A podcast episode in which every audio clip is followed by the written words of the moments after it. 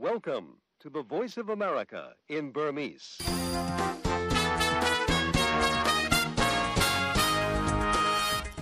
မင်္ဂလာမနက်ခင်ပါသောရရှင်များရှင်။ American ပြည်ထောင်စု Washington DC မြို့တော် VOA American အတန်ရဲ့2021ခုနှစ်အောက်တိုဘာလ4ရက်နေ့တနင်္လာနေ့မနက်ခင်းစီစဉ်တွေကိုမြန်မာစံတော်ချိန်မနက်6နာရီကနေ9နာရီအထိလိုင်းဒိုမီတာ25 40 51တို့ကနေတိုက်ရိုက်ထုတ်လွှင့်နေပါပြီရှင်။ သောရရှင်များရှင်လန်းချမ်းမြေ့ကြပါစေရှင်ကျမတင်ကြီးထိုက်ပါဒီမနေ့ခင်းစီစဉ်လေးကိုတာဝန်ယူတင်ဆက်ပေးပါမယ်ရှင်မင်္ဂလာပါရှင်ကျမခင်မျိုးသက်ပါဒီမနေ့ခင်းသတင်းတွေကိုကိုညောင်ဝင်းအောင်နဲ့အတူပြောပြပေးမှာပါ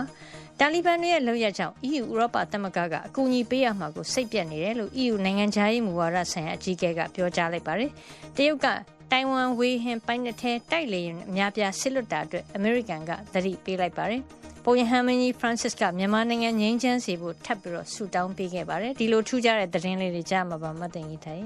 ကောင်းပါပြီရှင်ရခိုင်ပြည်နယ်တွင် KNU ဒီခါမှာရှင်ကရင်ပြည်နယ်တွင် KNU ထိန်းချုပ်ဒေသတွင်မှာစစ်ကောင်စီတပ်တွေနဲ့တိုက်ပွဲတွေဖြစ်ခဲ့ပြီးဒေသတွင်းမှာလည်းလုံခြုံရေးစိုးရိမ်နေရပါတယ်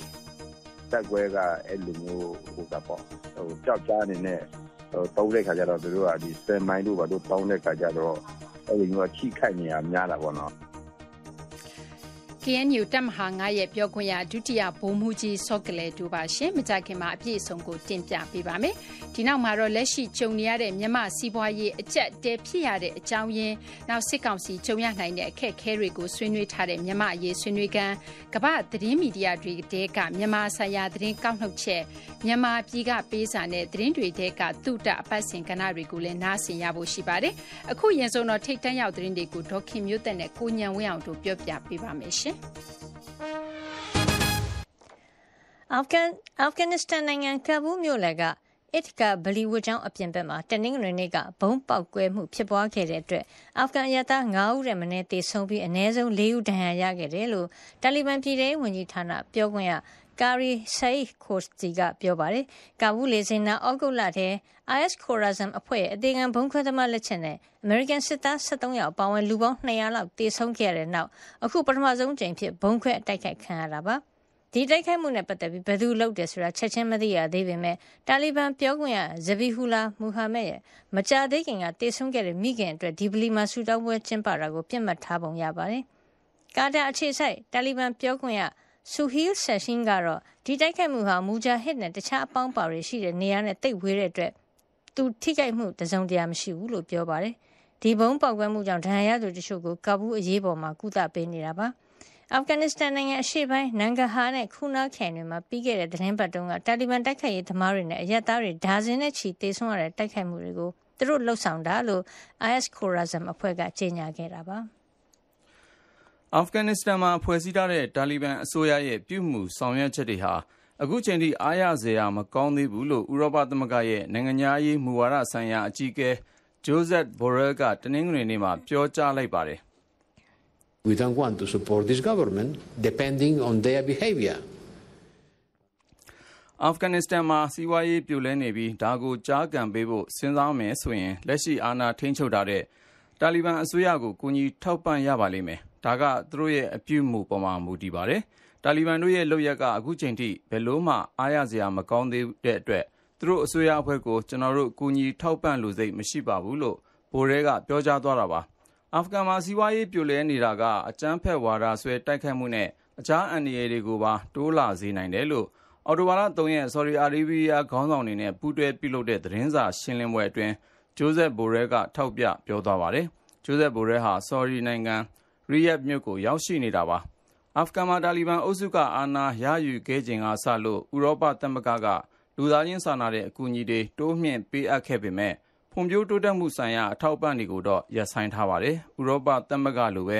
အခြားနိုင်ငံတွေနဲ့ ကမ္ဘာ့ဘဏ်ကပါ အကူအညီတွေ ရပ်ဆိုင်းထားပါတယ်။ EU ဥရောပသမဂ္ဂကနေ ခွဲထွက်ခဲ့တဲ့နောက်မှာ အခက်အခဲတွေ မကြုံရအောင် ထိန်းနေရတဲ့ ဗြိတိန်နိုင်ငံအနေနဲ့ လောင်စာဆီတန်းငွေနဲ့ ခရစ်မတ်ကာလအတွက် စားနပ်ရိက္ခာဆိုင်ရာလို ပြဿနာတွေကို ဖြေရှင်းရဖို့ ရှိနေတဲ့အတွက် လူဝင်မှုကြီးကြပ်ရေးဆိုင်ရာ ထိန်းမရတဲ့ ပြဿနာတွေ အဖြစ်မခံနိုင်ဘူးလို့ ဗြိတိန်ဝန်ကြီးချုပ် Boris Johnson က တနင်္ဂနွေနေ့ ပါတီညီလာခံမှာ ပြောပါတယ် ဗြိတိန်ကို EU ဥရောပသမဂ္ဂကနေ ခွဲထွက်ခဲ့တဲ့နောက် နိုင်ငံတွင်း အလုရှားပါမှုနဲ့ စားသုံးကုန်လဲပတ်မှု အဆင်မပြေပဲဖြစ်နေတယ်လို့ဓာတ်ဆီဖြတ်မိဖို့စီတင်ကားမောင်းသူမရှိတဲ့ ပြဿနာကနေ လာမယ့် ခရစ်စမတ်အတွက်ကျက်ဆင်ရှားပါမဲ့ပြဿနာအထိ ကြုံနေရတာပါ အခုကာလဟာနိုင်ငံတွင်းအစအစလဲပတ်မှုကောင်းအောင်ထိမ့်ညှိနေရတဲ့ကာလဖြစ်တဲ့အတွက်လုံသားလိုအပ်မှုဖြည့်ဆည်းဖို့အတွက်လူမှုကြီးကြပ်ရေးဆိုင်ရာလမ်းကြောင်းကိုတော့ဖွင့်ပေးမှာမဟုတ်ဘူးလို့ပြောပါတယ်ဗြိတိန်မှာဓာတ်ဆီတွေဆေးပစ္စည်းတွေတည်ယူပို့ဆောင်ပေးမဲ့ရင်မောင်းရှားပါတဲ့ပြဿနာကြုံနေရတယ်လို့တားတက်ယုံတွေမှာအလုသမားမရှိတဲ့အတွက်ပိုရှန်တရိษံဖြစ်တတ်မှတ်မဲ့ဝက်အကောင်ကြီးကတသိန်းကျော်နေပြီဖြစ်ပါတယ်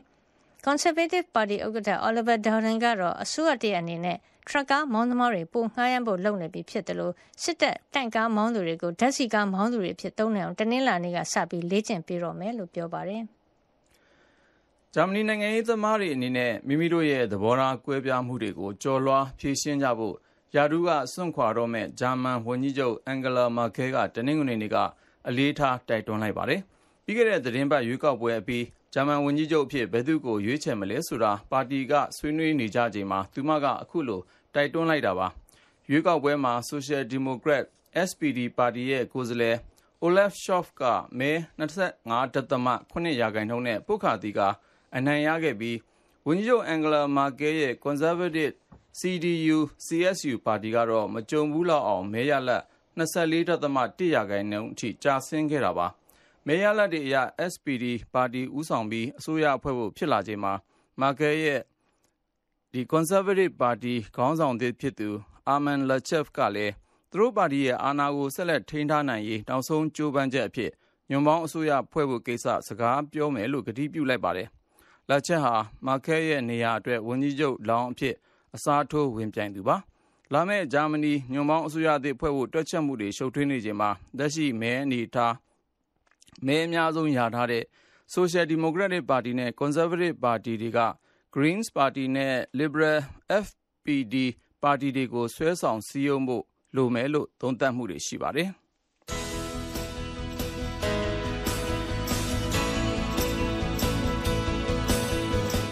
VOA အမေရိကန်တန်မနက်ဖက်မြန်မာဘာသာအစီအစဉ်တွေကိုမနက်6နာရီကနေ9နာရီထိလိုင်းဒိုမီတာ24 kHz 1213ည လိုင်းဒိုမီတာ40 kHz 9413ညလိုင်းဒိုမီတာ51 kHz 9895နဲ့လိုင်းလမီတာ190 kHz 1505တို့ကနေထုတ်လွှင့်ပေးနေပါတယ်ရှင်။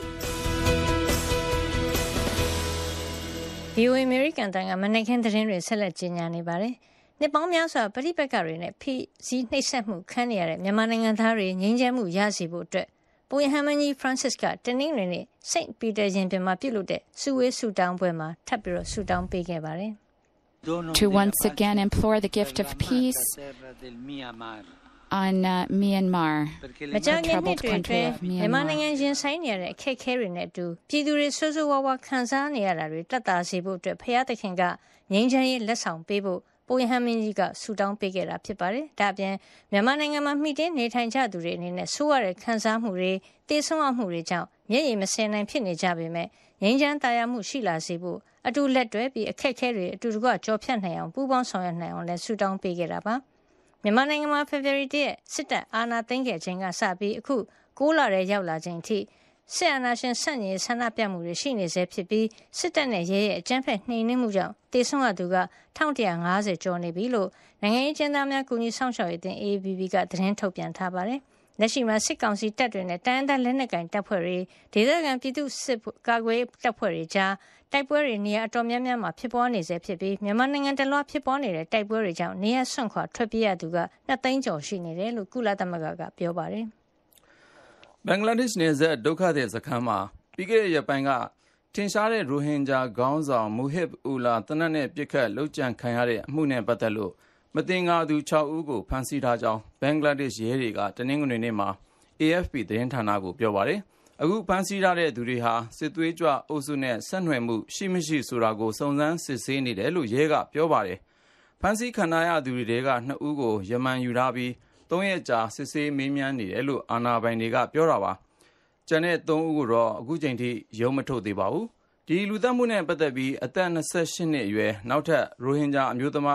သားတဦးကိုလည်း ဖမ်းဆီးထားပါတယ်။သူတို့ ၆ ဦးစလုံး ARSA အာဆာအဖွဲ့နဲ့ ဆက်နွယ်မှု ရှိမရှိကို စစ်ဆေးနေတာပါ။မူဟစ်အူလာဦးဆောင်တဲ့ ARSPH ရိုဟင်ဂျာ အဖွဲ့အစည်းတွေကအမည်မဖော်လိုတဲ့ အဖွဲ့ဝင်တဦးကတော့ အခုဖမ်းဆီးထားတဲ့အထက်ကအသက်35နှစ်အရွယ် မိုဟာမက်အယ်လီယတ်ဆိုသူဟာအာဆာအဖွဲ့ဝင်တဦးဖြစ်ခဲ့ပြီး ပြီးခဲ့တဲ့ ဇွန်လတုန်းကမူဟစ်ကိုချင်းချောက်ခဲ့တယ်လို့ ဆိုပါတယ်။ ARSPH အဖွဲ့တွေကခေါင်းဆောင် အနည်းဆုံး10ဦးဟာ နောက်ထပ် တိုက်ခိုက်မှုတွေ လုပ်လာမှာဆိုလို့ ပုန်းရှောင်နေရတယ်လို့ ဆိုပါတယ်ခင်ဗျာ။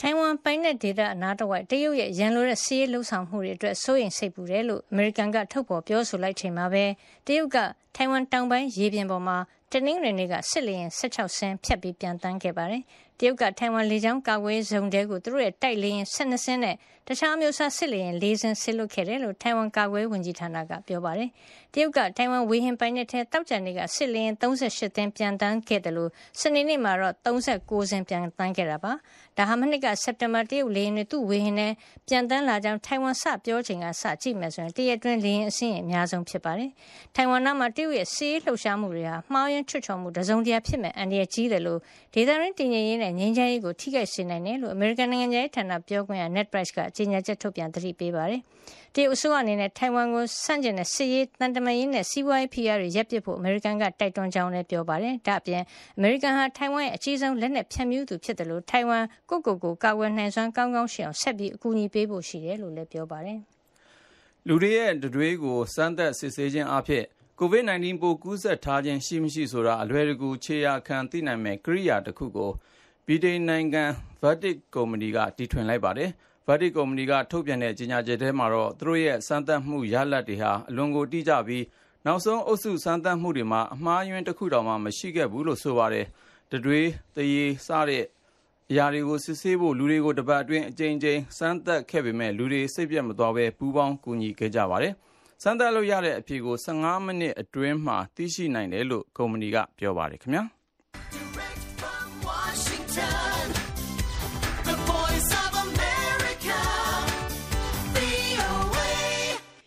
ထိတ်တန့်ရောက် သတင်းတွေကို ဒေါခင်မျိုးသက်နဲ့ ကိုညံဝင်းအောင်တို့ ကြီးညာပေးခဲ့တာပါရှင်။ VOA မြန်မာပိုင်းစီစဉ်ရဲ့ ရေဒီယို အစီအစဉ်တွေကို ရုပ်သံကနေပါ တိုးချက်ထုတ်လွှင့်ပေးနေပါတယ်။ကျမတို့ရဲ့ အစီအစဉ်တွေကို website စာမျက်နှာ burmese.voanews.com မှာအတန်လွှင့်ချိန်နဲ့ တပြေးညီဓာတ်ရိုက် နားဆင်နိုင်သလို VOA မြန်မာပိုင်း အစီအစဉ်ရဲ့ လူမှုကွန်ရက် Facebook စာမျက်နှာမှာလည်း နားဆင်နိုင်ပါတယ်။အခုတော့ သတင်းဆောင်မတွေနဲ့ အပတ်စဉ် ကဏ္ဍတွေကို နားဆင်ရအောင်ပါ။ ကရင်ပြည်နယ်တွင်းက ကရင်အမျိုးသားအစည်းအရုံး KNU တပ်မဟာ ၅ ထိန်းချုပ်ထားတဲ့ ဖာပွန်ခရိုင် မူးထရော်ခရိုင်တွင်းမှာ တိုက်ပွဲတွေ ဆက်တိုက်ဖြစ်နေပြီး ပြီးခဲ့တဲ့ရက်အတွင်းမှာ တနေ့တည်း တိုက်ပွဲ6ကြိမ် ဖြစ်ခဲ့ပြီး စစ်ကောင်စီဘက်က အကြအဆုံးနဲ့ ဒဏ်ရာရသူများကြောင်း KNU တပ်မဟာ ၅ ဘက်က သတင်းထုတ်ပြန်ပါတယ်။ တိုက်ပွဲဖြစ်တဲ့ ဒေသတွေမှာလည်း နေ့စဉ် လုံခြုံရေး စိုးရိမ်နေကြရကြောင်း ဒေသခံတွေက ပြောပါတယ်။ထိုင်းခြေဆိုင် VOA သတင်းတောက် မအေးအေးမာ သတင်းပေးပို့ထားပါတယ်ရှင်။စစ်ကောင်စီက အာဏာသိမ်းလိုက်ပြီးတဲ့နောက် တိုက်ပွဲတွေ နေ့စဉ်နီးပါး ဖြစ်နေတဲ့ ကရင်ပြည်နယ် ဖာပွန်ခရိုင်ထဲမှာ နှစ်ဖက် ရင်ဆိုင်တိုက်ပွဲတွေ ဒီရက်ပိုင်းတွင်ပိုပြင်းထန်လာပါတယ်။စစ်ကောင်စီနဲ့ ကရင်အမျိုးသား လွတ်မြောက်ရေးတပ်မတော် တပ်မဟာ9တို့ဟာ စက်တင်ဘာလ30ရက်နေ့ တနေ့တည်းမှာပဲ တိုက်ပွဲ6ကြိမ် ဖြစ်ခဲ့ပြီး စစ်ကောင်စီဘက်က လူ20ကျော်လောက် ကျဆုံးခဲ့တယ်လို့ တပ်မဟာ9ကထုတ်ပြန်တဲ့မူထရော်သတင်းမှာ ပါရှိပါတယ်။ဒီအကြောင်းနဲ့ ပတ်သက်လို့ ကရင်မျိုးသား လွတ်မြောက်ရေးတပ်မတော် တပ်မဟာ9ကပြောရေးဆိုခွင့်ရှိသူ ဒုတိယဗိုလ်မှူးကြီး စောကလေတို့ကအခုလိုပြောပါတယ်။20ကျော်ဟိုကြတယ်ဆိုတာက ဒီလိုဒီထက်ကကသူတို့ဆွဲမိုင်းနဲ့ ဆွဲတဲ့ခါကျတော့ဟိုသူတို့ကလည်း အဲ့လိုမျိုးဟိုဒါလာတဲ့အချိန်မှာဆွဲမဲနဲ့ဆွဲတဲ့ခါကျတော့သူတို့ထိတာပေါ့နော်အဲ့လိုမျိုးဟိုတက်ကွဲကအဲ့လိုမျိုးဟိုဒါပေါ့ဟိုကြောက်ကြားအနေနဲ့ဟိုတုံးတဲ့ခါကျတော့သူတို့ကဒီဆွဲမိုင်းတို့ဘာတို့တောင်းတဲ့ခါကျတော့အဲ့လိုမျိုးချိခိုက်နေရများတာပေါ့နော်အဲတလားလုံးလုံးကတော့ဒီကြိုကြကြိုကြတော့ဖြစ်တာပဲနှစ်နှစ်တိုင်းလိုလိုပေါ့နော်ကြိုကြကြိုကြဖြစ်တယ်ဒီအကြောင်းနဲ့ပတ်သက်လို့ကရင်သတင်းစီရဲ့အမှုဆောင်အက်ဒီတာချုပ်နန်းဖောကေကတော့အခုလိုပြောပြပါဗျ။ တမငါလည်းအောက်မှာရှိတဲ့ KNL အသက်ရင်တစ်တုံညာနှစ်နဲ့ပေါ့နော်ဒီစစ်ကောင်စီရဲ့အာစစ်စင်ကုကဲမှုဌာနချုပ်ကကရှိလက်အောက်ခံခမရလေးတုံညာရှိတို့ဂျာမှာဖြစ်တဲ့တိုက်ပွဲလို့တော့အဲ့လိုသူတို့သတင်းဖော်ပြထားတာပေါ့မှဆိုတော့အဲ့မှာကဟို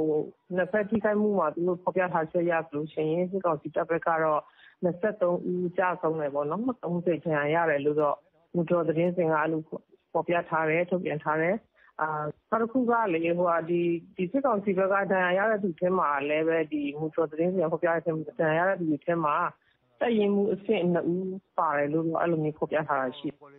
ကရင်ပြည်နယ်အတွင်းမှာ နှစ်ဖက်တိုက်ပွဲတွေနဲ့ ပတ်သက်လို့ စစ်ကောင်စီဘက်ကတော့ ဒီရက်ပိုင်းမှာ ထူးထူးခြားခြား ပြောဆိုထုတ်ပြန်တာ မရှိပါဘူး။ဒါပေမဲ့လည်း ကရင်ပြည်နယ် ကော့ကရိတ်ဖန်အံ မြဝတီ စတဲ့နေရာတွေမှာတော့ လုံခြုံရေးတွေကိုပုံမတင်းကျပ်ထားသလို စစ်ဆေးဖမ်းဆီးမှုတွေလည်း ရှိနေပါတယ်။ ကရင်ပြည်နယ် ကော့ကရိတ်မြို့နယ်ထဲမှာတော့ အော်တိုဘာလ ၁ ရက်နေ့က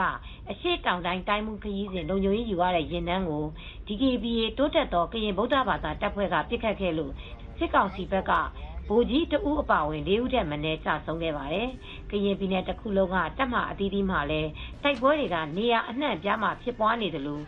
လူလူတွေကလည်း မလုံခြုံမှုတွေ စိုးရိမ်ထိတ်လန့်မှုတွေနဲ့ကရုတ်ကျင်းတွေ ကင်းပုံးတွေထဲမှာ နေရတာမျိုးတွေ ဘေးလွတ်ရာကိုတင်းရှောင်ရတာမျိုးတွေကတော့ လနဲ့ချီပြီးဇက်တိုက်ဖြစ်နေရတယ်လို့လည်း နန်းဖောကေက ပြောပြပါတယ်။တိုက်ပွဲဖြစ်မယ်ဆိုရင် သူတို့အတန်ကြားရတဲ့တင်သွားဟွာလေရှောင်းရှောင်းနေရပြီပေါ့နော် အနည်းဆုံး တိုက်ပွဲမဖြစ်ဘူးဆိုတော့မှအာစစ်ရေးလှုပ်ရှားမှုတွေပေါ့နော်စစ်ကြောင်းတွေတွားနေရ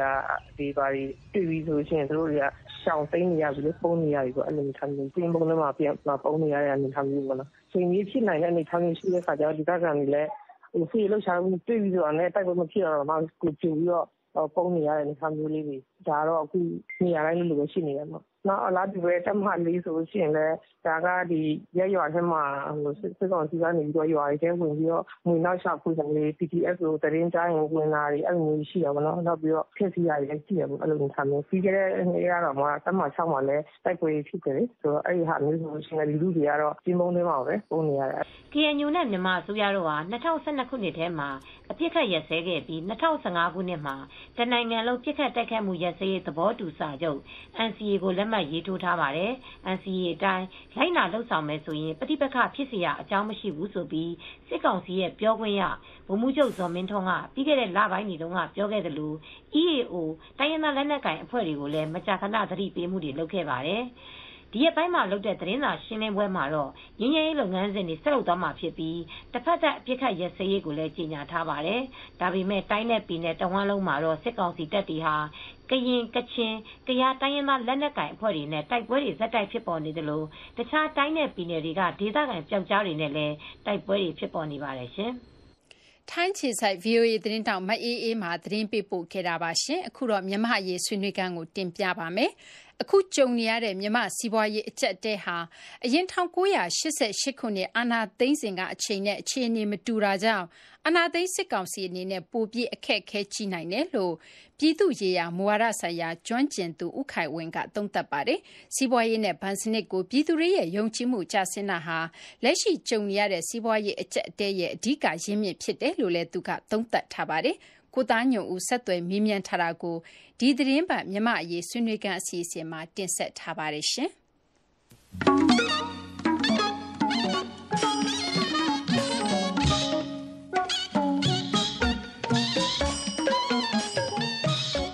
ခိုင်ဝင်းအခုဒီ မြန်မာနိုင်ငံစီးပွားရေးနဲ့ ပတ်သက်လို့ပေါ့နော် တလောကပဲ ICG က ထုတ်ပါတယ် အခု တလအတွင်းမှာပဲ ပြောရရင် မြန်မာငွေကြေးတန်ဖိုးက60ရာခိုင်နှုန်းလောက်ကို ထိုးကျသွားတယ်ဆိုပြီးတော့ သူတို့ သုံးသပ်ထားတာပေါ့နော် အဲ့တော့ ဒီလောက်ထိငွေစည်းတွေကျသွားတဲ့အခြေအနေဒီလောက်ထိစီးပွားရေးဖြူဖြဲဖြစ်သွားတဲ့အခြေအနေပေါ့ဘာကြောင့်အဓိကလို့ကိုခံဝင်းတို့သုံးသပ်မိလဲဗျပထမဆုံးကတော့အာဏာသိမ်းမှုပေါ့ဒီဟာတော့ political shock လို့ခေါ်တာပေါ့ပြည်သူဒီပြည်သူလူထုအနေနဲ့ကယုံကြည်မှုပေါ့နော် trust ပေါ့ဘိုးဘန်တို့ဘာလို့ပုံမှာရောလက်ရှိသူတို့ငွေတွေအတန်ထားတဲ့ငွေတွေပုံမှာရောယုံကြည်မှုပေါ့နော်ရောနေသွားတဲ့အတွက်တော့အဓိက အကြောင်းရင်းတွေဖြစ်တယ်အခုခံဝင်နေတယ်ပုံစံတစ်ချိန်တည်းမှာပဲ ဗဟိုဘဏ်ကလည်း ဒီကြားထဲမှာဒီငွေကြေးတန်ဖိုးထိန်းနိုင်အောင်လို့ဆိုပြီး ဒေါ်လာတွေ ထုတ်ရောင်းနေတာရှိတယ်ခင်ဗျ အဲ့တော့ လက်ရှိ ဗဟိုဘဏ်ကင်တွယ်မှုဒီငွေကြေးကို ထိန်းနိုင်အောင်လို့ကင်တွယ်မှုနဲ့ပတ်သက်လို့ရော ဘာများသုံးသပ်ချင်လဲ ဗဟိုဘဏ်က ဘယ်လိုပဲဟိုထုတ်ထုတ်ထုတ်ပေါ့နော် ထုတ်ရောင်းနေတဲ့ဟာတွေက အခုတွေ့ရတာဟိုတန်တရားကျော်သွားပြီပေါ့နော် အတိအကျတော့ မမှန်ဘူးသူတစ်ခါတစ်ခါရောင်းရင်15တန်းလို့ အဲ့လိုရောင်းတယ်ဟိုတနေ့ကလည်း9တန်းလား6တန်းလားမသိဘူးသူတို့ရောင်းနေပေါ့အဲ့လိုဘိုးကထုတ်ရောင်းနေတဲ့အချိန်ထဲမှာပဲဒီဒေါ်လာအကောင့်တွေပေါ်မှာထိန်းချုပ်လာတာကိုတွေ့ရတယ်တဘောကတော့ဗာလဲဆိုဒေါ်လာဝင်ငွေတွေနဲလာတယ်ပေါ့ရောက်ဆင်းလာတယ်ပေါ့နော်ဒီက trade မှာလည်း export တွေကလည်းဒီဒီဒီနေ့မှာနော်စက်တင်ဘာလ3ရက်နေ့အထိဆိုလာပဲစက်တင်ဘာလအကုန်ထိတော့လဲ7 billion လောက်ကျသွားတယ်လို့ပြောတယ်။အဲရောဆင်းသွားတယ်ဆိုတော့သူတို့ဒီဟိုကဒေါ်လာကြီးဟိုကနေသွားတယ်အဲ့တော့ ဘိုးကဘယ်လောက်ပဲထုတ်ရောင်းထုတ်ရောင်းထုတ်ရောင်းတဲ့ဟာနဲ့ဒီဘက်ကလိုအပ်နေတဲ့ဒေါ်လာလိုအပ်နေတဲ့ဟာတွေကမကိုက်ဘူးဖြစ်နေတာပေါ့။ဟိုကမ္ဘာ့ဘဏ်ရဲ့ဒီနောက်ထပ်အာဏာသိမ်းပြီးတော့ထုတ်တဲ့ဟိုဟာမှာလေစီမံသားတစ်ခုမှလည်းရေးထားတယ်73စီတွေကတက်နေပါပေါ့နော်ဆောင်းကန်နေထဲမှာလဲသွားလဲသွားပြီး30ရာခိုင်နှုန်းလောက်ပဲရှိတယ်လို့တော့မှအဲ့လိုမျိုးသူတို့ကပြောနေတယ်ပေါ့နော်အဲ့ဒါလည်းနေနောက်တစ်ခုကတော့ပြဿနာဘာလို့လဲဆိုဘိုးကဘယ်လိုပဲရောင်းရောင်းလိုက်နေတဲ့အကြောင်းရင်းကတော့ပြည်သူတွေဟာ နော်ဗန်လေးကအနှံ့ငွေတွေကိုထုတ်ပြီးတော့ဒီတန်ဖိုးရှိတဲ့အရာကိုစုဆောင်းတဲ့အနေနဲ့စုဆောင်းလာကြတယ်နိုင်ငံခြားကိုလည်းဒီပြည်ပြည်ပကိုရွှဲတဲ့ဟာတွေကလည်းပို့ပြီးတော့ရလာတယ်ဆိုတော့မလိုက်နိုင်ဘူးဖြစ်နေမလိုက်နိုင်ဘူးဖြစ်နေတခြားနိုင်ငံတွေမှာလည်းဒီလိုနမူနာအဆိုးမှာတူတူရကီပေါ့နော်တူရကီမှာကာတာနိုင်ငံကနေပြီးတော့15မီလီယံပေးမယ်ပေါ့အဲ့လိုပေးတာတော့မှနော်သူတို့ရဲ့လက်ဟောပေါ့နော်တူရကီငွေကြတာကိုလည်းမထိနိုင်ဘူး အဲ့တော့တစ်ချိန်တည်းမှာပဲသွင်းကုန်အနေနဲ့ပတ်သက်လို့တော်လေးအခက်အခဲရှိလာပြီဆိုပြီးတော့ကုန်သည်တွေညီးတာလည်းကျွန်တော်ကြားလာပါတယ်ခင်ဗျာအဲ့တော့တစ်ဖက်မှာထုတ်ကုန်များများထုတ်ပေးရမယ်ဆိုတဲ့ပုံစံမျိုးပြောလာကြတော့အခုမြန်မာနိုင်ငံမှာတကယ်ရှိထားတဲ့ဓာတ်ငွေတွေတင်းထွက်တွေတေယန်ဇာတာတွေဒါတွေပေါ်မှာပို့ပြီးတော့မိခိုလာရနိုင်ချေရှိပါလားဒါတွေကထုတ်ရောင်းရောအဆင်ပြေပါမလားထုတ်ရောင်းဖို့တော့အဲ့ဘက်ကိုပေါ့နော် resource ကိုပို့ပြီးတော့အားပြုနော်အားပြုလာမယ်လို့တော့ဟိုလိုပါနော်ယူဆလို့ရတယ်ပေါ့နော်ယူဆလို့ရတယ်ဘာလို့လဲဆိုတော့ခုဒီ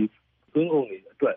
ဒီဒေါ်လာကိုသူတို့မသုံးနိုင်တော့လို့ပထမဆုံးဒီပထမဆုံးသူလုပ်တဲ့ဟာတော့ဗာလဲဆိုတော့ non essential goods ဆိုပြီးတော့ထိုင်းကနေအချိုးရည်တွေပါတွေကိုပိတ်ပိတ်ပင်တာမျိုးတွေလုပ်တယ်ခုနောက်ပိုင်းဒီတဲ့နော်ထပ်ပြီးတော့ကျလာတဲ့အတွက်လို့ထင်တယ်နော်73ပြည်ကိုတော့မှ73ပြည်တင်သွင်းတဲ့လူတွေကိုသူတချို့ပဲဒေါ်လာကိုဒါတနည်းအားဖြင့်ကိုတာပေါ့နော်ဒေါ်လာကိုကိုတာနဲ့ပေးတယ်လို့ပေါ့ကိုနဲ့နော်ကိုရဲ့ဟိုဟာလူတွေကိုပဲတချို့ပဲသူတို့ပေးနိုင်တယ်ကိုတာနဲ့ခွဲပေးအဲ့လူတွေကတွင်းပြီးတော့ နော် short ဈေးနဲ့သူတို့ရောင်းဟိုဟာလုတ်ခိုင်းတာပေါ့နော်အဲ့တော့ပြကြတဲ့ဒေါ်လာကိုလုံးဟိုဟာလုံနေပြီးတော့ပုတ်ကုန်တွေကိုပူပြီးတော့တိုးမြင့်ရမယ်ပေါ့အဲ့တော့ပုတ်ကုန်တွေပိုင်းရအောင်တိုးမြင့်နိုင်မှာလားပေါ့နော်လေယာဆက်ကြိုးမှာလည်းဒီသွင်းအားစုတွေဖြစ်တဲ့ဓာတ်မြေဩဇာတွေဈေးတွေကတော်တော်လေးကိုတက်တယ်လို့ပြောတယ် International Food Policy Research Institute ကလည်းထုတ်ထားတဲ့ဒီသူရဲ့သူတည်နာတွေအရာနော်တော်တော်တက်သွားတဲ့အတွက်ဓာတ်မြေဩဇာတွေကျသွားမယ်ရောင်းအားတွေကျသွားမယ်ဆိုရင်ဒါ လေယာဆက်ကြိုးကဏ္ဍပေါ်မှာလေခုဘုတ်တုံညာဒီအပြီးမှာထွက်နှုံးနေရအများကြီးဟိုဖြစ်သွားမယ်ပေါ့နော်ဒီနေ့ပဲခေါ်ပါဓာတ်မြေဩဇာ group ရဲ့ Facebook page မှာလည်းပါတွေ့ရလဲဆိုတော့73စီဈေးတွေတက်တဲ့အတွက်လေရင်သိန်းကတွေဒီအရင်ကနဲ့မတူတော့ဘူးဆိုပြီးတော့သူတို့ page မှာရေးထားတာတွေ့ဒီအခက်ခဲတွေပို့ပုံတွေကလည်းကြဖို့များနေတယ်ပေါ့အဲ့တော့တခုပဲရှိတာတော့ဘာဘာရှိလဲဆိုတော့ဒီကပြောရပေါ့နော်တန်ဟာဇာတာတွေပေါ့အဲ့တန်ဟာဇာတာကလည်းရေနံတို့ ဒီဟိုတဘာတန်းခွေတို့ကတော့ချက်ချင်းကြီးထုတ်လို့မရဘူးနော်ရှာထားတဲ့တွင်းတွေရှိရင်တောင်မှဒီတန်တာခေါ်အောင်မယ်ပေါ့နော်အများကြီးခေါ်အောင်မယ်ဆိုတော့ခက်ခဲရှိတယ်နော်ကျွန်းတက်တို့ဘာလို့ပိုင်းအောင်မပြောတတ်ဘူးကြောက်စိမ့်တို့ဘာလို့ဒီဟိုအကန်တို့ဘာလို့ဘက်ကတော့အချိန်ကြီးလို့ရှိမလဲတော့မသိဘူးပေါ့နော်ဒါပေမဲ့လို့ကြောက်စိမ့်ဈေးကွက်ကတော့ကုန်တယ်တွေရဲ့ပြောတဲ့အရာကိုတရုတ်ပြည်ကိုအဓိကမိခိုးရတယ်တရုတ်ပြည်ကလည်းအရင်တော့မဟုတ်တော့ဘူးတရုတ်ပြည်မှာရှိတဲ့ကြောက်စိမ့်ဈေးကွက်ကလည်း ပြက်နေပြီပေါ့နော်မဝယ်နိုင်တော့ဘူးပေါ့နော်သူတို့မှလည်းစီးပွားရေးအခက်အခဲတွေအများကြီးရှိနေတဲ့အတွက်ဒါကြောင့်ပို့ချင်နိုင်တယ်ပို့လို့မရဘူးပေါ့အဲ့တော့လက်တလုံးမှာတော့တော်တော်လေးကိုဒီဒေါ်လာအတွက်ကိုသူတို့ချိုးကြချူတာနေတဲ့သဘောရှိတယ်။သွင်းကုန်တွေနဲ့ပတ်သက်လို့သူတို့ကန့်သတ်မှုတွေအခုလောက်တာကျွန်တော်တို့ကြားပါတယ်။ဥပမာကားသွင်းတာတွေနဲ့ပတ်သက်လို့ကန့်သတ်တယ်။အဲ့တော့တစ်ဖက်မှာစစ်ကောင်စီအကြီးအကဲကနောက်ပိုင်းသူတို့ပြောတဲ့အထက်မှာ စိုက်ပျိုးရေးကဏ္ဍကိုမှီရမယ်ပြည်တွင်းမှီခိုရေးမူဝါဒဆိုတဲ့သဘောမျိုးပေါ့နော်။အဓိကတော့ပြင်ပကလည်းပိတ်တာများများလာတဲ့အခါမှာပြည်တွင်းမှာပဲဖူလုံဖို့ပြည်တွင်းပြည်တွင်းကိုမှီခိုရေးဆိုတဲ့စိုက်ပျိုးရေးဟာကိုမှီပြီးလုပ်မယ်ဆိုတဲ့ဟာမျိုးပြောလာတာရှိပါတယ်။ဒါကရောတကယ်အလုပ်ဖြစ်ပါမလား။ဒါလည်းခုနကမလို့အခက်အခဲတွေကဘာတွေဟိုဟာရှိတယ်ဆိုစိုက်ပျိုးရေးကဏ္ဍကဏ္ဍလို့ပြောပြမယ်လို့လည်းခုနပြောရဲပေါ့နော်ဒီ value chain ပေါ့နော် agricultural value chain တစ်ခုလုံးမှာသွင်းကုန်တွေပုံမှာပေါ့နော်ခုနပြောရဲဒီဟိုတမင်ဩဇာဟိုတက်စီ အဲ့ဒါတွေကနော်အခက်ခဲရပါလဲဆိုတော့မြန်မာနိုင်ငံဟာကိုယ့်ပြည်တွင်းမှာမထုတ်နိုင်ဘူးနော်တမင်ဩဇာအများစုပါတဲ့အကုန်နီးပါးကနော်ဒီတန်း900ဘူးလောက်နိုင်ငံခြားကနေတင်သွင်းရတယ်ပေါ့နော်အဓိကတော့တရုတ်ပြည်ထိုင်းထိုင်းတို့ကနေတင်သွင်းရတယ်ဆိုတော့အဲ့ဒီခါကျတော့ဒီကဏ္ဍကြီးကအဆင်ပြေပါမလားပေါ့နော်နောက်တစ်ခုကတော့သူတို့ခုလုပ်နေတဲ့ပုံစံကဒီကုန်သိန်းလုံးကိုထိန်းကျင်တဲ့အတွက်ကုန်သိန်းလုံးကိုထိန်းမှုအတွက်ကိုရှော့ရောင်းမယ်ပေါ့နော်ဒီ စာအုပ်စီကိုဘာလို့သူတို့ရှော့သေးနေပေါ့နော်ရောင်းနေတာတွေ့တယ်ဒါမျိုးတွေကလည်းဒါဒီကနေ့ပြန်ပြီးတော့စီးပွားရေးတွေနဲ့ပြန်ကုန်းသက်ကြည့်လို့ဆိုလို့ရှိရင်တော့လေယာစိုက်ပျိုးရေးကဏ္ဍပေါ်မှာပို့ပြီးတော့ဆက်ထပ်သွားနိုင်တဲ့နေရာတွေရှိအခက်အခဲတွေဖြစ်နေပြီဒီကဓာတ်မြေဩဇာတွေမဟုတ်ဘူး machinery တွေပေါ့နော်ဒီ layer ခဏမှာသုံးတဲ့စက်ရနေရာတွေတင်သွင်းမှုတွေ အဲ့ဒါတွေကအခက်အခဲကဖြစ်နေတယ်။မြန်မာနိုင်ငံလက်ပုတ်တွေကနေပြီးတော့စက်မှုတွေမကြခင်လုံးဝမှနည်းနည်းလေးခပြောင်းလာတာပေါ့။ဒီလိုအကြက်တဲတွေအခက်ခဲတွေရှိနေကြမှာပဲစစ်ကောင်စီအကြီးအကဲကပြောလာတာကအာဆီယံတဲမှာမြန်မာနိုင်ငံကတကယ်တမ်း9နှစ်10နှစ်လောက်တည်းမှာထိတ်ရောက်လာအောင်ဖြစ်နိုင်ကြိုးစားရင်ဖြစ်နိုင်တယ်ဆိုတဲ့ဟာမျိုးတွေပြောလာပါတယ်အဲ့တော့ဒီစစ်ကောင်စီစကားဆရဲ့စီးပွားရေး vision နဲ့ပတ်သက်လို့ရောကိုခိုင်ဝင်းဘယ်လိုမြင်ပါလဲသူရဲ့နော်ဟို vision နဲ့စီးပွားရေး vision နဲ့ပြောမယ်ဆိုတော့စိတ်ကွင်း ဆန်တဲ့ဟာပေါ့နော်ဒါကြောင့်လည်းသူတို့သူတို့ကရည်စရာလူရည်စရာဖြစ်နေတယ်ပေါ့နော်ဘလို့မှဒီတကယ်တမ်းဟိုဟာဆက်ဟိုဟာဖြစ်မယ်ဆိုရင်အာဆီယံမှာအလေလက်ဖြစ်ဖို့ကလည်းငါးနှစ်နဲ့လည်းမလွယ်ဘူးအာဆီယံမှာထိပ်သီးနိုင်ငံဖြစ်ဖို့အတွက်ဆိုတာထိပ်သီးဆိုတာတကယ်တော့နော်စင်ကာပူတို့မလေးရှားတို့လိုဝင်ငွေအဆင့်ကိုရောက်ဖို့ဆိုတာဘလို့မှမဖြစ်နိုင်ဘူးပေါ့နော်အရင်တော့တော့မှဒေါ်ဆန်းစုကြည်ကနှစ်20နဲ့စင်ကာပူကိုပြောင်းလုပ်မယ်ဆိုလို့လူတွေကနော်တခါလဲဟိုဟာလုပ်လိုက် ဒီဒီဝေဖန်တာတွေရှိခဲ့တယ်ပေါ့နော်ကိုက9နှစ်10နှစ်နဲ့သွားမယ်ဆိုတော့ဒီတနည်းအားဖြင့်ပြောရင် false hopes ပေါ့နော်မဖြစ်နိုင်တဲ့ညှော်လင့်ချက်တွေကိုဒီလူလူတို့ပေးတဲ့သဘောမျိုးဖြစ်နေတာပေါ့နော်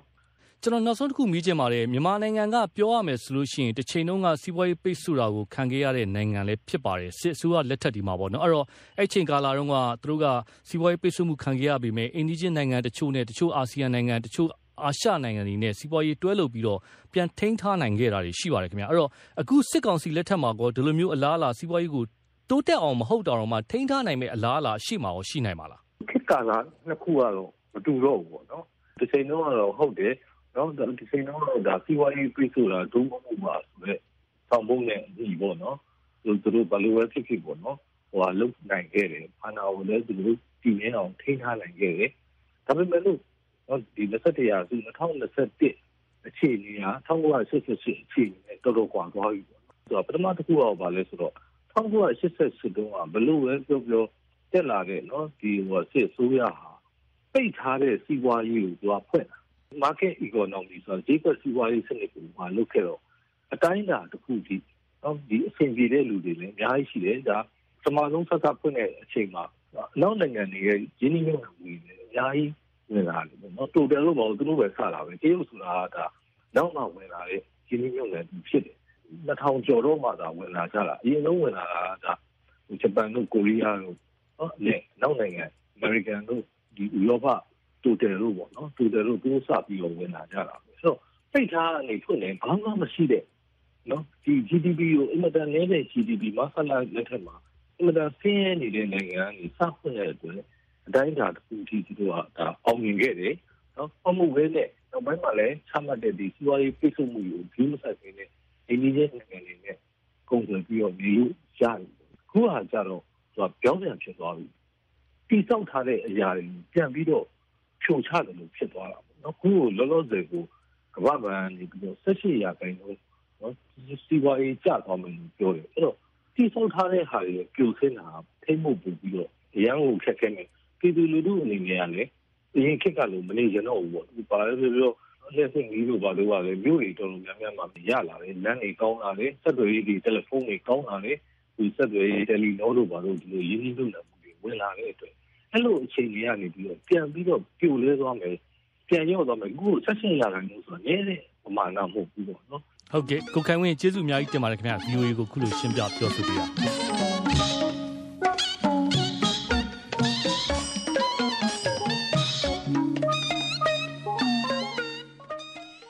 သားညုံဦး စီစဉ်တင်ဆက်ခဲ့တဲ့ မြမအရေး ဆွေးနွေးခန်းကို နားဆင်ခဲ့ရတာ ဖြစ်ပါတယ်ရှင်။ VOA မြန်မာပိုင်းစီစဉ်ရဲ့ အပတ်စဉ်ခဏတွေ စီစဉ် ထုတ်လွှင့်ချက်တွေနဲ့ ပတ်သက်ပြီး သောရရှင်တို့ အနေနဲ့ ဝေဖန် အကြံပေးလိုတဲ့ဆိုရင်တော့ ကျမတို့ရဲ့ email လိပ်စာ ဖြစ်တဲ့ burmese@voanews.com ကို စာရေးသား ဆက်သွင်းနိုင်ကြပါတယ်ရှင်။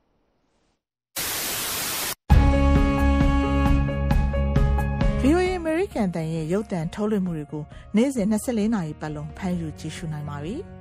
လူမှုမိတ်ဆွေရုပ်သံလိုင်းကနေနေ့စဉ်24နာရီရုပ်မြင်သံကြားထုတ်လွှင့်မှုအဖြစ် VOA American တန်နဲ့ RFA လွတ်လပ်တဲ့အာရှအသံမြန်မာဘာသာအစီအစဉ်တွေကို American ပြည်အောင်စု Washington မြို့တော်ကနေအချိန်ပြည့်ထုတ်လွှင့်တင်ဆက်ပေးနေတာပါမြန်မာနိုင်ငံရဲ့နောက်ဆုံးရသတင်းတွေအပြင်အာရှဒေသနဲ့ကမ္ဘာတစ်လွှားကအချိန်နဲ့မျှဖြစ်ထွန်းမှုသတင်းမှန်တွေအပတ်စဉ်ကဏ္ဍတွေနဲ့နိုင်ငံရေးစကားဝိုင်းအစီအစဉ်တွေးဆုံမေးမြန်းခန်းတို့ကိုကြည့်ရှုကြရမှာပါ လူမှုမိတ်ဆွေရုပ်တံလိုင်းကိုဖမ်းယူကြည့်ရှုခြင်းနဲ့ဆိုရင် UW 70B Asia Bin ဂျိုတို့ Channel 101ဒါမှမဟုတ် Timecom 6ဂျိုတို့ Channel 123တို့ကနေဖမ်းယူကြည့်ရှုနိုင်ပါတယ်။ဂျိုရုဖမ်းယူမှုအသေးစိတ်အချက်လက်ကို VOA မြန်မာပိုင်းအင်တာနက်စာမျက်နှာနဲ့ VOA မြန်မာ Facebook စာမျက်နှာတို့မှာဖော်ပြထားပါတယ်ရှင်။မြန်မာနိုင်ငံကပြည်သက်တွေစီသတင်းမှန်တွေပို့ပေးနိုင်မှုလူလူမိတ်ဆွေအရောက်လာခဲ့ပါပြီနော်။ မင်္ဂလာမနက်ခင်မှာသောရရှင်များရှင် VOA American အတန်ရဲ့2021ခုနှစ်အောက်တိုဘာလ4ရက်တနင်္လာနေ့မနက်ခင်းအစီအစဉ်တွေကိုလှိုင်းဒိုမီတာ25 kHz 1213ညလိုင်းဒိုမီတာ40 kHz 9413ညလိုင်းဒိုမီတာ51 kHz 9895တို့ကနေ ဆက်လက် ထုတ်လွှင့်ပေးနေပါတယ်။အခု ဒုတိယပိုင်းနိုင်ဝက် အစီအစဉ်မှာတော့ မြန်မာပြည်က ပေးစာနဲ့ သတင်းတွေတဲက သုတ အပတ်စဉ် ကဏ္ဍတွေကို နားဆင်ကြရဖို့ ရှိပါတယ်။အခု အရင်ဆုံးတော့ ကမ္ဘာသတင်းမီဒီယာတွေတဲမှာ ဖော်ပြကြတဲ့ မြန်မာဆိုင်ရာ သတင်းတွေကို ကောက်နှုတ်စူးစီးတင်ပြပေးမှာပါ။မအင်ဂျင်နိုင်တင်ပြထားပါတယ်ရှင်။မင်္ဂလာပါ။ ကမ္ဘာသတင်းတွေထဲမှာရေးသားဖော်ပြနေတဲ့မြန်မာနိုင်ငံဆိုင်ရာဆောင်းပါးတွေကိုမူရင်းအာပေါ်မပြတ်ကောက်နှုတ်တင်ပြနေတဲ့အစီအစဉ်ကနေကြိုဆိုပါရစေ။ကျွန်မအင်ဂျင်နိုင်ပါ။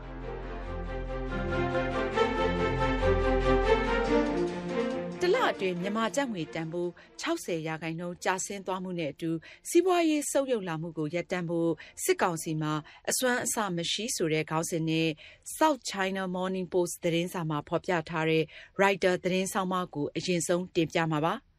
ကျပ်ငွေတန်ဖိုး တဟုန်ထိုး ကျဆင်းတဲ့ သတင်းတွေ၊လောင်စာဆီနဲ့ ကုန်ဈေးနှုန်းတွေလည်း မြင့်တက်နေသလို ရွှေဆိုင်နဲ့ ငွေလဲလှယ်တဲ့ ကောင်တာ အများအပြားလည်း ပိတ်ထားကြတယ်လို့ ဆိုပါတယ်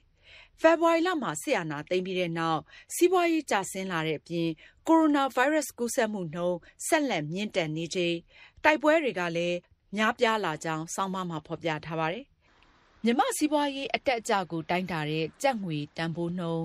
ကျဆင်းမှုဟာ စစ်ဗိုလ်ချုပ်တွေကို လှုပ်လှုပ်ရှားရှားနဲ့ ဂယောက်ဂယက် ဖြစ်စေတယ်လို့ International Crisis Group က မြန်မာ့ရေးရာကျွမ်းကျင်သူ Richard Horsey ရဲ့ သုံးသပ်ချက်ကို ဖော်ပြထားပါတယ်။ကျပ်ငွေကျဆင်းမှုကို ထိန်းချုပ်ဖို့ဩဂုတ်လမှာ ဗဟိုဘဏ်အနေနဲ့ ကြိုးစားခဲ့ပေမယ့် ငွေလဲလှယ်တဲ့နှုန်း အဆမတန် မြင့်တက်လာတဲ့ ဖိအားကြောင့် စက်တင်ဘာလ၁၀ ရက်နေ့မှာ လက်လျှော့ခဲ့ရတယ်လို့ ဆိုပါတယ်။ဒေါ်လာငွေရှားပါးမှု ဆိုးရွားလာတာနဲ့အမျှ ငွေလဲလှယ်ရေး လုပ်ငန်းတွေလည်း ပိတ်ခဲ့ကြရပါတယ်။ စက်တင်ဘာလ ၁ ရက်နေ့ကတဒေါ်လာကို ၁၆၉၅ ကျပ် ရှိခဲ့ရာကနေ အင်္ဂါနေ့ကတဒေါ်လာကို ၂၇၀၀ ကျပ်နှုန်းထိ မြင့်တက်လာတာကို နှိုင်းယှဉ်ဖော်ပြထားပါတယ်။ဒါ့အပြင် ဖေဖော်ဝါရီလ၁ရက်နေ့က အရပ်သားအစိုးရကို ဖြုတ်ချပြီး စစ်အာဏာသိမ်းချိန်မှာတဒေါ်လာကို ၁၃၉၅ ကျပ်နှုန်းပဲ ရှိခဲ့တယ်လို့ ဆိုပါတယ်။ကမ္ဘာ့ဘဏ်ရဲ့ တနင်္လာနေ့က ခန့်မှန်းချက်အရဆိုရင် မြန်မာ့စီးပွားရေးဟာ ဒီနှစ်အတွင်း ၁၈ ရာခိုင်နှုန်းအထိ ကျဆင်းလိမ့်မယ်လို့ ဆိုပါတယ်။ဒါ့အပြင် မြန်မာနိုင်ငံဟာ ဒေသတွင်းမှာ အလုပ်အကိုင် ကျဆင်းမှု အကြီးမားဆုံးအဖြစ် မြင်တွေ့ကြရမှာဖြစ်သလို ဆင်းရဲနွမ်းပါးမှု အရေအတွက်ဟာလည်း မြင့်တက်လာဖို့ ရှိကြောင်း ကမ္ဘာ့ဘဏ်က သတိပေး ပြောဆိုထားတယ်လို့ ဆောင်းပါးမှာ ဖော်ပြထားပါတယ်။ဆက်လက်တင်ပြမှာက ဒေါ်အောင်ဆန်းစုကြည်အပေါ် အမှုစီရင်မှုကနေ ဘာမျှော်လင့်နိုင်သလဲ ဆိုတဲ့ ခေါင်းစဉ်နဲ့ ဂျာမနီအခြေစိုက် dw.com သတင်းအွန်လိုင်းစာမျက်နှာမှာ ဖော်ပြထားတဲ့ ဆောင်းပါးဖြစ်ပါတယ်။ဒေါ်အောင်ဆန်းစုကြည်ကို တရားရုံးတင်စစ်ဆေးနေတာဟာ သူ့ကို နိုင်ငံရေးထဲ ပြန်ဝင်မလာအောင် တားဆီးဖို့ ရည်ရွယ်တာဖြစ်တယ်လို့ ဆိုပါတယ်။ဒါပေမဲ့လည်း ဒီလိုလုပ်တာဟာ တိုင်းပြည်မှာ ဒေါ်အောင်ဆန်းစုကြည်ရဲ့ ကျော်စောမှု အထင်ကရ ဖြစ်မှုကို ပိုပြီး ခိုင်မာစေနိုင်တယ်လို့ ဖော်ပြထားပါတယ်။ဖေဖော်ဝါရီလ၁ရက်နေ့ စစ်အာဏာသိမ်းတဲ့နေ့မှာပဲ ဒေါ်အောင်ဆန်းစုကြည်ဖမ်းဆီးထိန်းသိမ်းခံခဲ့ရသလို တပြိုင်နက်တည်း စစ်ကောင်ဆောင်တွေဟာ သူ့ကို စွဲချက်မျိုးစုံတင်ခဲ့ပါတယ်။အစပထမပိုင်းမှာတော့ ပို့ကုံသွင်းကုန် ဥပဒေ ချိုးဖောက်မှုနဲ့ဝေါ်ကီတော်ကီတွေကို တရားမဝင်ပိုင်ဆိုင်မှုတဘာဝဘေးအန္တရာယ် စီမံခန့်ခွဲမှု ဥပဒေအောက်က ကိုဗစ်ဆိုင်ရာစီမင်းစည်းကမ်းတွေ ချိုးဖောက်မှု စတာတွေနဲ့ပဲ ဒေါအောင်ဆန်းစုကြည်ကို အမှုဆွဲထားတာပါ။နောက်ပိုင်းမှာတော့ လူမှုမငြိမ်မသက်ဖြစ်အောင် လှုံ့ဆော်မှု အစိုးရလျှို့ဝှက်ချက်ဥပဒေချိုးဖောက်မှု အကျင့်ပြတ်ခြစားမှု စတဲ့ ပြင်းထန်တဲ့ဆွဲချက်တွေကို တင်ခဲ့တယ်လို့ ဆိုပါတယ်။ဒီတောက်ကြမှာ စတင်စစ်ဆေးမဲ့ဒေါအောင်ဆန်းစုကြည် အပေါ်ဆွဲထားတဲ့ အကျင့်ပြတ်ခြစားမှုဆွဲချက်မှာ တကယ်လို့ ပြစ်မှုထင်ရှားမယ် ဆိုရင် အသက်86နှစ်အရွယ် ဒေါအောင်ဆန်းစုကြည်ဟာ ထောင်ဒဏ်15နှစ်ထိကြာခံရဖို့ ရှိနေတယ်လို့ ဆိုပါတယ်။ မြန်မာ့နိုင်ငံရေးလေ့လာသူတွေ သုံးသပ်တာကတော့ ဒေါ်အောင်ဆန်းစုကြည်အပေါ် အမှုစွဲ တရားစီရင်မှုဟာ နိုင်ငံရေးအရ ဖြစ်တယ်ဆိုတာ သံသယ ဖြစ်စရာတောင် မလိုဘူးလို့ ပြောကြပါတယ်။အထူးသဖြင့် စစ်ကောင်စီခေါင်းဆောင် ဗိုလ်ချုပ်မှူးကြီး မင်းအောင်လှိုင်က ဒေါ်အောင်ဆန်းစုကြည်ကို နိုင်ငံရေးထဲ ဘယ်တော့မှ ပြန်လာလို့ မရအောင် တားဆီးလိုတာ ဖြစ်တယ်လို့ ဆိုပါတယ်။ဒေါ်အောင်ဆန်းစုကြည်အပေါ် စွဲထားတဲ့ အမှုတွေထဲက အမှုတစ်ခုတည်းနဲ့တင် စစ်ကောင်စီကတိပေးထားတဲ့2023ခုနှစ်ဩဂုတ်လမှာ ကျင်းပမယ့် ရွေးကောက်ပွဲမှာ ဝင်ရောက်ယှဉ်ပြိုင်ဖို့ ဒေါ်အောင်ဆန်းစုကြည်အနေနဲ့ သူ့ပါတီကို ဦးဆောင်ခွင့်တောင် ရဖို့မရှိကြောင်း ဆောင်းပါးမှာ ဖော်ပြထားပါတယ်ရှင်။မြန်မာ့ရေနံနဲ့ သဘာဝဓာတ်ငွေ့လုပ်ငန်းအပေါ် ပိတ်ဆို့အရေးယူဖို့ အမေရိကန်လွှတ်တော်က ချင့်ချိန်စဉ်းစားနေပြီဆိုတဲ့ ခေါင်းစဉ်နဲ့ Foreign Policy သတင်းမဂ္ဂဇင်း အွန်လိုင်းမှာ Jack Detash ရေးသားထားတဲ့ဆောင်းပါးကို နောက်ဆုံးအနေနဲ့ တင်ပြမှာပါ။အဲဒီလို ပိတ်ဆို့အရေးယူမယ့် ဥပဒေဟာ ရိုဟင်ဂျာတွေအပေါ် လူမျိုးတုံးသတ်ဖြတ်မှုကို မြန်မာစစ်တပ် ကျူးလွန်ခဲ့သလားဆိုတာ ဆုံးဖြတ်ဖို့ တွန်းအားပေးနိုင်တယ်လို့ ဆိုပါတယ်။ မြန်မာနိုင်ငံမှာ အရေးပါတဲ့ စက်မှုလုပ်ငန်းတချို့ အပါအဝင် မြန်မာ့ရေနံနဲ့ သဘာဝဓာတ်ငွေ့လုပ်ငန်းအပေါ် အမေရိကန်ရဲ့ ဒဏ်ခတ်အရေးယူမှုအသစ်နဲ့ ရိုဟင်ဂျာ လူနည်းစုတွေအပေါ် ကျူးလွန်တဲ့ ရာဇဝတ်မှုတွေဟာ လူမျိုးတုံးသတ်ဖြတ်မှု အဆင့်ရောက်မရောက် အမေရိကန်နိုင်ငံခြားရေးဌာနအနေနဲ့ ဆုံးဖြတ်ဖို့ စတာတွေပါဝင်တဲ့ ဥပဒေကြမ်းအသစ်ကို အောက်လွှတ်တော် နိုင်ငံခြားရေးရာကော်မတီဥက္ကဋ္ဌဒီမိုကရက်ပါတီ လွှတ်တော်အမတ် Gregory Meeks က လာမယ့် သီတင်းပတ်အတွင်း တင်သွင်းဖို့ ပြင်ဆင်နေတယ်လို့ ဆိုပါတယ် ဒါဟာ နိုင်ငံရေးအရ တွေ့ဆုံအဖြေရှာရေး မြန်မာစစ်ကောင်စီကို ဖိအားပေးဖို့ ကြိုးပမ်းမှုတရပ်ဖြစ်ပါတယ်။မြန်မာစစ်တပ်အပေါ် ပစ်မှတ်ထားတဲ့ ဒဏ်ခတ်အရေးယူမှုမျိုး ဖြစ်စေလိုကြောင်း ဒီဥပဒေကြမ်းရေးဆွဲမှုမှာ ပါဝင်တဲ့ အမည်မဖော်လိုတဲ့ လွှတ်တော်ရုံးအဖွဲ့ဝင်တဦးက ပြောကြားခဲ့တယ်လို့ ဆိုပါတယ်။စစ်တပ်ရဲ့ အကြမ်းဖက်မှုတွေကို ဆက်ပြီးဖြစ်အောင် ခွင့်ပြုထားတဲ့ ကုမ္ပဏီတွေ၊အဖွဲ့အစည်းတွေ၊လက်ရှိ စစ်တပ်ထိန်းချုပ်ထားတဲ့ စီးပွားရေးလုပ်ငန်းတွေကို ပိတ်ဆို့အရေးယူနိုင်ရေး အမေရိကန်အစိုးရအနေနဲ့ လိုက်ပါဆောင်ရွက်လို့ရအောင် ဒီဥပဒေကို ရေးဆွဲတဲ့နေရာမှာကြဲကြဲပြန့်ပြန့် ပြုလုပ်ထားတယ်လို့ သူက ပြောကြားခဲ့တယ်လို့ ဆိုပါတယ်။အထက်လွှတ်တော်ဘက်က ထည့်သွင်းမဲ့အချက်တွေနဲ့ ပေါင်းစပ်မဲ့ဒီဥပဒေကြမ်းအသစ်မှာ ဖေဖော်ဝါရီလက အာဏာသိမ်းမှုကိုဥဆောင်ခဲ့တဲ့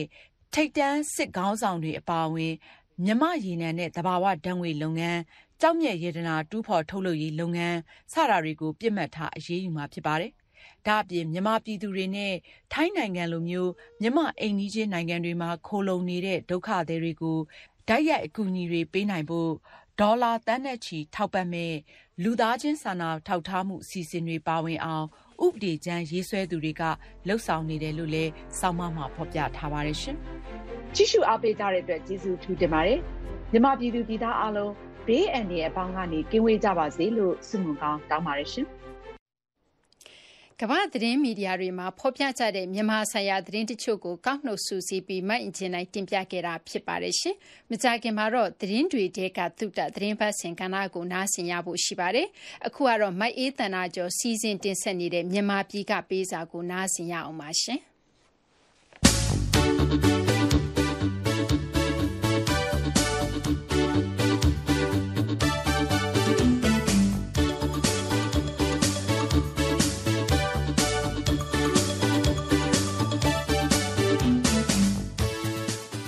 ဘေးရဲ့ကင်းရှင်းပြီးမင်္ဂလာပေါင်းနဲ့ပြည့်စုံတဲ့နေ့ဖြစ်ပါစေသောရရှိများရှင် VOA ကိုရေးလာတဲ့သောရရှင်တွေရဲ့ပေးစာတွေ email တွေပြီးတော့ VOA မြန်မာပိုင်း Facebook စာမျက်နှာပေါ်မှာလာပြီးတော့ရေးကြတဲ့သောရရှင်တွေရဲ့မှတ်ချက်တွေကိုမြန်မာပြည်ကပေးစာများအစီအစဉ်ကနေပြန်ကြားပေးပါရမယ်ရှင်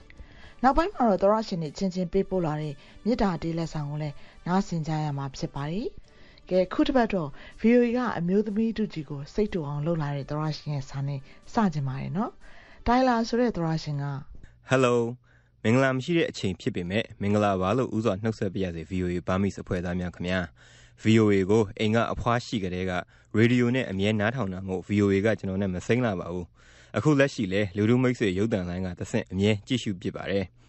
လက်ရှိကအစိုးစိုးနဲ့အမွန်းကြက်ရဆုံးအခြေအနေဖြစ်တဲ့အတွက်ဒီအစီအစဉ်ကိုရင်ဖွင့်စာစာပါလိုက်ရပါတယ်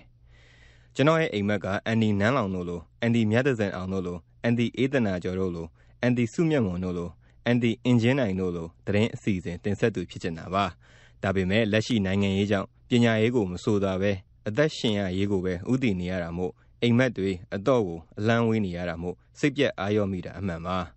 ဒါပေမဲ့ အိမ်မက်တွေ မဖြစ်နိုင်တော့ပဲတည်သွားရမှာထက် စစ်ကောင်စီလက်အောက်မှာ တသက်လုံး နေသွားရမှာကိုပူကြောက်မိတယ် ကျေးဇူးတင်ပါတယ် VOA ရေ ဟုတ်ပါ စစ်အာဏာသိမ်း လက်အောက်မှာ တသက်လုံး နေရမှာကိုတော့ လူတိုင်း ကြောက်လွန်းလာတဲ့ပုံမှာနော် ဒါနဲ့ကိုတိုင်လာတယောက်သတင်းကျင်ညာတဲ့သူဖြစ်ချင်တာတော့ဟုတ်ပါပြီဘယ်နဲ့မစီမဆိုင်အန်တီနန်းလောင်တို့အန်တီစုမြတ်မွန်တို့ဖြစ်နေရတာလေအနည်းဆုံးမမလောက်ဆိုရင်တော့တော်သေးသတင်းကျင်ညာသူတွေစိတ်သက်ကြကုန်ပါပြီရှင်နောက်တာပါကိုတိုင်လာပြောတာဟုတ်ပါတယ်သတင်းတွေကျင်ညာလာလိုက်တာကျမတို့တွေအခုအန်တီအရွယ်တောင်ရောက်လာကြပါပြီဒါမဲ့လည်းခုထိမဲ့အေးတနာကြောဆိုတာနားရဲဆွဲနေတော့မှာကဲတတင်ကစိတ်ပေါ်ပေါ်ပါလေးဖြစ်သွားအောင်နောက်တာပါနော် တခုမှကျင်တာကတော့အိမ်မက်တွေကိုမစွန့်လတ်လိုက်ပါနဲ့ဆိုတာပါအိမ်မက်ဆိုတာမဲ့ခွင့်ရှိသလိုအိမ်မက်တွေကတစင်အနာဂတ်ကိုလည်းတိဆောက်နိုင်ပါတယ်လောလောဆယ်တော့တနေ့ချင်းစီကိုအဆင်ပြေပြေကြော်ဖြတ်နိုင်မှုစူးစမ်းပါအောင်လို့အားပေးချင်ပါတယ်ရှင်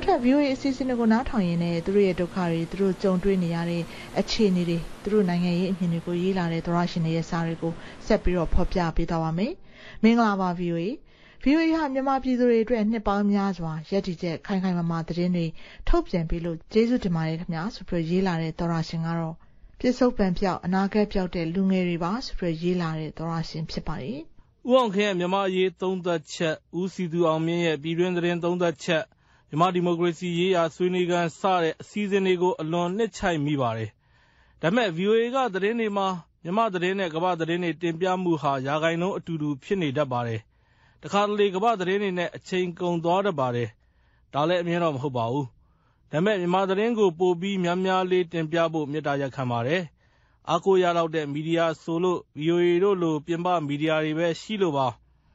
ပြည်တွင်းက မီဒီယာတွေကလည်း ငွေကြေးဆိုင်ရာ အခက်အခဲတွေ၊သတင်းရယူမှု အခက်အခဲတွေ၊အာဏာသိမ်းမှုနောက်ပိုင်း ရပ်တည်ဖို့ ခက်ခဲလာတာတွေကြောင့်ယိုင်လုလု ဖြစ်နေကြပါတယ်။လက်ရှိ မြန်မာနိုင်ငံမှာက ကုန်ဈေးနှုန်းတွေ၊ဒေါ်လာဈေးတွေ အဆမတန်တက်၊ရွှေဆိုတာ မူးလို့တောင် ရှုဖို့မလွယ်တဲ့ အနေအထားမှာ ထမင်းနပ်မအောင် မနည်းကျန်နေရတဲ့ အိမ်ထောင်စုတွေဟာ အမြောက်အများပါပဲ။ကျနော်တို့လို လူငယ်တွေမှာလည်း အတိတ်တွေကိုပဲ ကြိတ်ပြီး စိတ်ကူးယဉ်နေရတာပါပဲ။ပစ္စုပ္ပန်လည်းပျောက်၊အနာဂတ်လည်းပျောက် တကယ်ဒုက္ခပါပဲ VOA ရေသူကိုယ်တိုင်ဒုက္ခရောက်နေရပါတယ်ဆိုပြီးတော့ဒီသောရရှင်ရေးလာပေမဲ့လည်း VOA ဝိုင်းတော်သားတွေဘေးကင်းကျန်းမာကြပါစေဆိုပြီးတော့ဆုတောင်းပေးထားသေးတာပါပြီးတော့သူကမြမပြည်ကြီးအမြန်ဆုံးကျန်းမာပါစေတဲ့တောင်းတဲ့ဆုတွေအားလုံးပြည့်စုံကြပါရရှင်အခုဖြစ်နေတဲ့နိုင်ငံရေးနိုင်ငံရေးစီရေးပြိပခါနဲ့ပတ်သက်လို့ကိုပိုင်မြင်တွေကိုလွတ်လွတ်လပ်လပ်ထုတ်ဖော်ပြီးတော့ရေးလာကြတဲ့သောရရှင်တွေရဲ့စာတွေကိုလည်းဖော်ပြပေးကြပါရစေဒီထဲမှာ မင်းမဲ့အတိုင်းပြည်ဖြစ်နေပြီလားလို့မေးခွန်းထုတ်လာတဲ့သောရရှင်ကတော့မင်းမဲ့တိုင်းပြည်ဖြစ်နေပြီလား VOA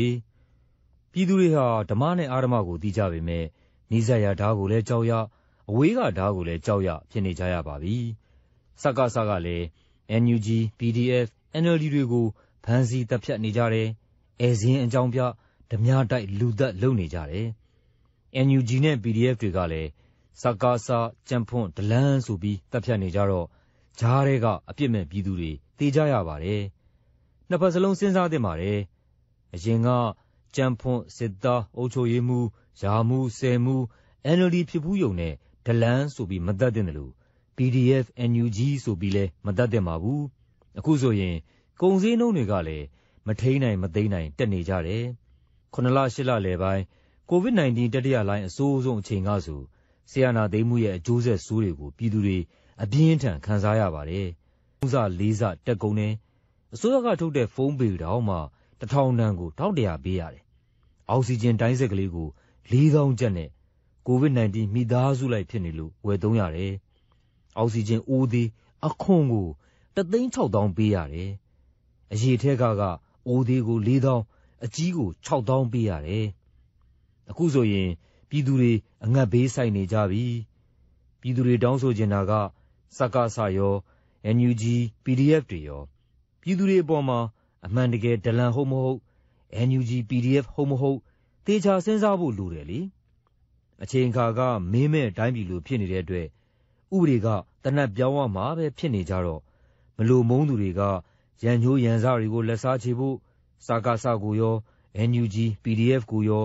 နှစ်ဖက်စလုံးကိုမမှန်သတင်းပေးပြီးလုပ်နေကြတာတွေလည်းရှိနေကြတာသတိချပ်ဖို့ပါဗျာ။ဒီသောတရှင်ကအကောင့်ကိုလျှို့ဝှက်ထားပြီးအထူးမေတ္တာရပ်ခံအပ်ပါသည်လို့လည်းရေးထားတာပါ။ဒီလိုမျိုးအခြေအနေတွေရှုပ်ထွေးပြီးတော့တန်တရားတွေများနေတဲ့အချိန်မှာသူ့စာထဲမှာရေးထားထောက်ပြထားသလိုပဲဥတွေကတနက်ပြောင်းဝဖြစ်သွားနိုင်တဲ့အခြေအနေကိုမြန်မာလူထုရောနိုင်ငံတကာအတိုင်းဝိုင်းကပါအထူးစိုးရိမ်နေကြတာပါ မြန်မာနိုင်ငံတစ်ခုလုံးပျက်စီးသွားမဲ့အခြေအနေကိုပိတ်ပင်ဖို့ဆိုပြီးတော့နိုင်ငံတကာမှာအမြန်ဆုံးလှုံ့ဆော်ကြဖို့တိုက်တွန်းမှုတွေလည်းကုလသမဂ္ဂညီလာခံမှာပြောသွားတာကြားလိုက်ရပါတယ်သောရရှင်တွေရဲ့ပေးစာတွေကိုဒီတစ်ပတ်ဒီမှာနေရက်ချင်ပါတယ်။ဒေးတောင်းလာတဲ့သောရရှင်တွေကိုနောက်ပိုင်းမှာအလှည့်ပေးချင်ပါတယ်။ကျမတို့ VOA မြန်မာပိုင်းရဲ့ရုပ်မြင်သံကြားနဲ့ရေဒီယိုစီစဉ်တင်ဆက်မှုတွေနဲ့ပတ်သက်လို့အကြံပေးဝေဖန်ခြင်းနဲ့ပြီးတော့ VOA ကနေပြီးတော့မြစ်တာအတေးလက်ဆောင်ကဏ္ဍမှာဒေသချင်းတွေလက်ဆောင်ပါခြင်းနဲ့ နောက်ပြီးတော့ကိုတွေးကြုံနေရတဲ့အဖြစ်အပျက်တွေနိုင်ငံရေးအခြေအနေတွေနဲ့ပတ်သက်လို့ကိုပိုင်ထင်မြင်ယူဆချက်တွေကိုရင်ဖွင့်စာရေးခြင်းကြတယ်ဆိုရင်တော့ကျမတို့ VOA ကိုစာရေးသားဖို့ဖိတ်ခေါ်ပါရနော်။စာရိုက်ကနေစာပို့မယ်ဆိုရင် VOA American တန်မြန်မာပိုင်းအစီအစဉ်လို့လိမ့်မှုပြီးတော့စာရေးတတာအမှတ်855ရန်ကုန်စာရိုက်ကြီးဆိုပြီးစာရေးသားနိုင်ကြပါတယ်။ email ပေးဖို့မယ်ဆိုရင် bami@voanews.com ကိုမြန်မာပြည်မှာပေးစာများအစီအစဉ်ဆိုပြီးတော့ရေးနိုင်ပါတယ်။ Facebook အသုံးပြုတဲ့သူတွေအနေနဲ့လည်းကျမတို့ဒီမြန်မာပြည်ကပေးစာများအစီအစဉ်တွေအစာရေးတဲ့အခါမှာလည်း Facebook စာမျက်နှာမှာလာပြီးတော့ရေးသားနိုင်ပါတယ်နော်။ Facebook မှာ VOA မြန်မာပိုင်းစာမျက်နှာဖြစ်တဲ့ VOA Burmese News ဆိုတဲ့စာမျက်နှာကိုတွားပြီးတော့ကျမတို့စီကို message ပို့နိုင်တယ်လို့မျိုးမှတ်ချက်တွေလည်းလာပြီးတော့ရေးနိုင်ပါတယ်။သောရရှင်တွေစီကတုံ့ပြန်အကြံပြုလာကြမှာတွေကိုစောင့်မျှော်ကြိုးစိုးနေပါတယ်ရှင်။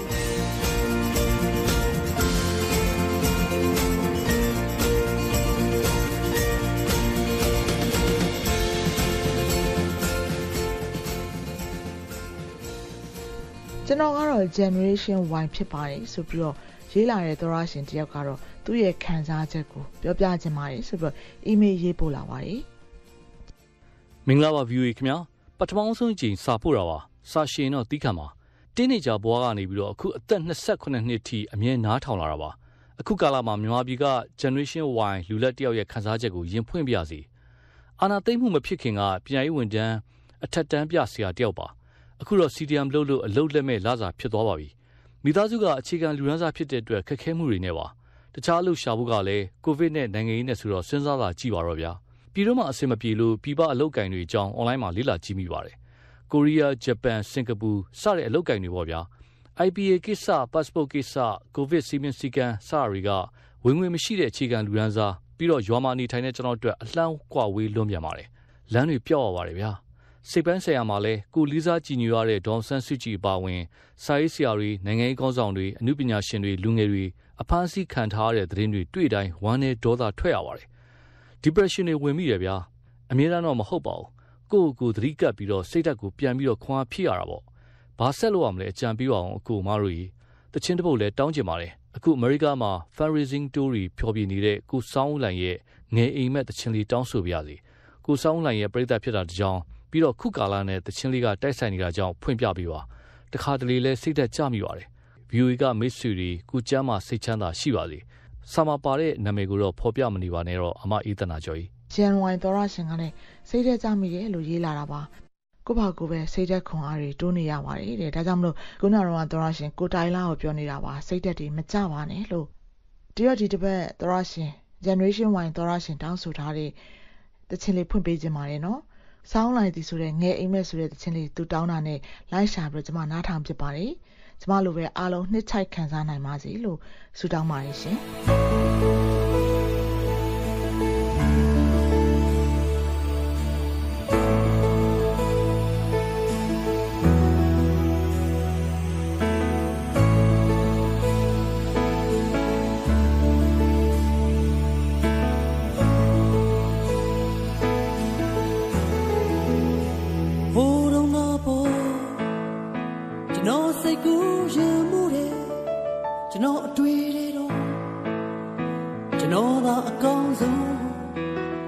စိတ်ကူးလေးနဲ့ယူတဲ့ငယ်အိမ်မက်တွေတကယ်မဖြစ်ပဲပြန်ပြောရင်ရည်ရတယ်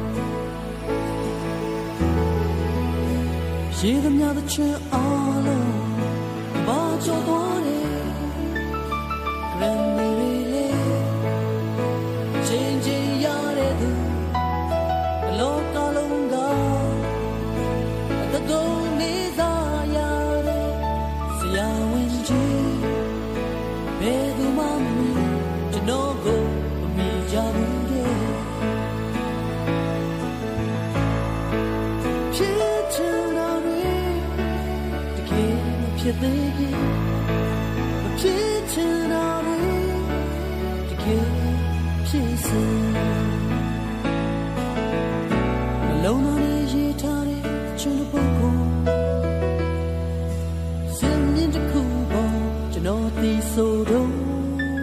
မှာ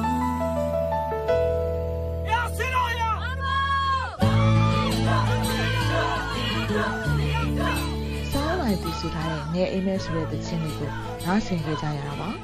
မြန်မာနိုင်ငံနဲ့နိုင်ငံတကာကရေးသားပေးပို့လာတဲ့ VOA မြန်မာပိုင်းသောရရှင်တွေရဲ့ဝေဖန်ကြံပေးစာတွေရင်ဖွင့်စာတွေနဲ့ဒေသချင်းတောင်းလွှာတွေကိုတနင်္ဂနွေနေ့ညပိုင်းနဲ့တနင်္လာနေ့မနက်ပိုင်းအချိန်တွေမှာမြန်မာပြည်ကပေးစာများအစီအစဉ်ကနေ ထုတ်လွှင့်တင်ဆက်ပေးနေပါတယ်ရေဒီယိုကနေဖမ်းယူနားဆင်နိုင်တဲ့အပြင် VOA မြန်မာပိုင်း Facebook စာမျက်နှာကနေပြီးတော့ဓာတ်ရိုက်နားဆင်နိုင်ပါတယ်တွင်းထုတ်ပေးခဲ့ပြီးတဲ့အစီအစဉ်တွေကိုရေဒီယိုနဲ့ Facebook ကနေပြီးတော့ဓာတ်ရိုက်နားမထောင်လိုက်ရဘူးဆိုတော့ VOA ရဲ့ Internet စာမျက်နှာမှာပြန်ပြီးတော့နားဆင်နိုင်ပါတယ်ရှင်။ကျမတို့ရဲ့ website လိပ်စာက burmese.voanews.com ဖြစ်ပါတယ်။ video ကိုလည်းစာရေးကြပါဦးနော်။သောရရှင်တွေအားလုံးရှင်လန်းချမ်းမြေ့ကြပါစေရှင်။ရေသမျှတဲ့ ချင်အားလုံးကဘာကြောသွားတယ်ရမ်းမီလေး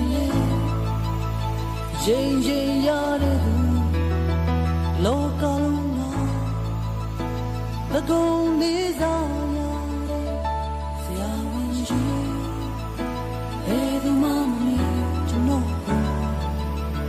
အေးတနာကျော် စီစဉ်တင်ဆက်တဲ့ မြန်မာပြည်ကပေးစာ သတင်းဖတ်စင်ကဏ္ဍကို နားဆင်ခဲ့ရတာ ဖြစ်ပါတယ်။ကျမတို့ VOA မြန်မာပိုင်းကိုလည်း စာရေးသားကြပါအောင်ရှင်။သောရရှင်တို့ ပေးစာတွေကို စောင့်မျှော်နေပါမယ်နော်။အခုတော့ သတင်းတွေထဲကတုတ အပတ်စဉ်စီစဉ်ကို ထုတ်လွှင့်ပေးမှာပါ။ဒီသတင်းပတ်မှာတော့ လက်ရှိ မြန်မာအရေးနဲ့ ပတ်သက်ပြီး ဒီမိုကရေစီ ပြန်ပြီးထွန်းကားလာဖို့အတွက် အမြဲတမ်း တိုက်တွန်း ပြောဆိုတဲ့ Quad ဆိုတဲ့လေးနိုင်ငံပူးပေါင်းဆောင်ရွက်မှုအကြောင်းကို တင်ပြထားပါတယ်။မညိုညိုလွင်စီစဉ်တင်ဆက်ထားပါတယ်ရှင်